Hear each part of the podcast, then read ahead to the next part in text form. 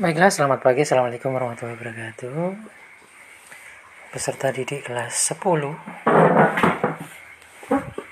Pada kesempatan kali ini saya akan menjelaskan tentang materi kita yaitu materi tentang puisi ya.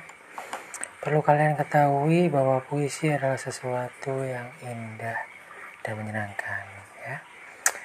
Untuk itu kalian silakan sambil membaca modul kalian dibaca ya yang ada kemudian nanti di akhir kalian membuat powerpoint atau presentasi terkait materi yang telah kita bahas bersama ya kita mulai pertama yaitu tentang definisi dari puisi ya menurut Waluyo atau Herman J. Waluyo pada tahun 2008 pada bukunya halaman 28 dia mendefinisikan bahwa puisi adalah bentuk karya sastra yang mengungkapkan pikiran, perasaan penyair secara imajinatif dan disusun dengan mengkonsentrasikan semua kekuatan bahasa dengan pengkonsentrasian struktur fisik dan struktur batinnya. Nah, jadi di dalam sebuah puisi itu dalam sekali ya.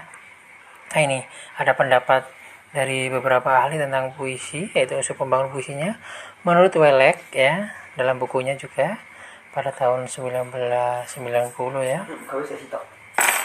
unsur pembangun puisi dibagi menjadi beberapa unsur yaitu yang pertama adalah bunyi atau sound startum ya.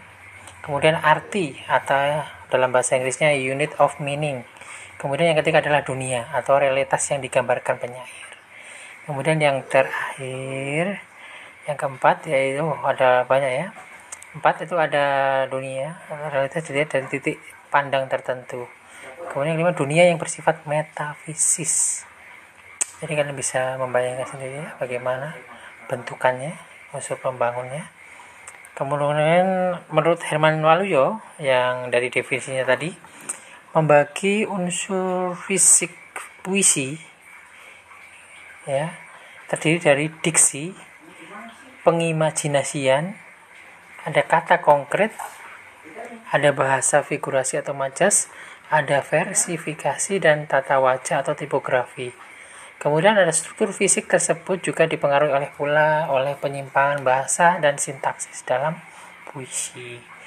Jadi puisi itu boleh amburadul intinya ya.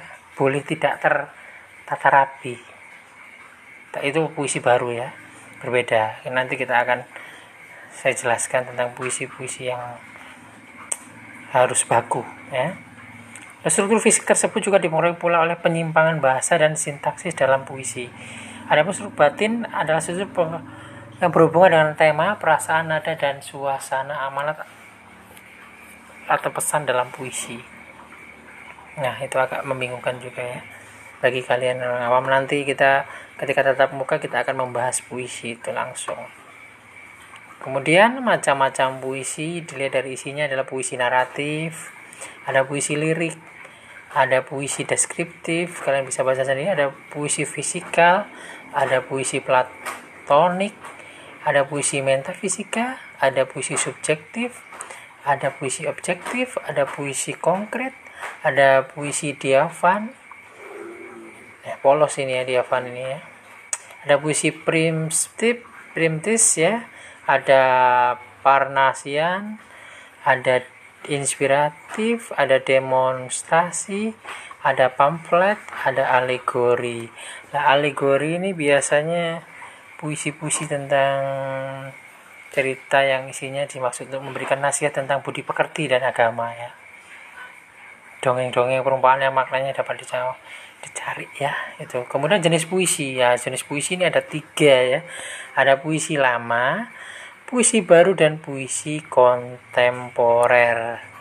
Nah ada kalau puisi lama itu di antaranya ada pantun gurindam dan syair. Nah puisi lama inilah puisi yang terikat aturan ya.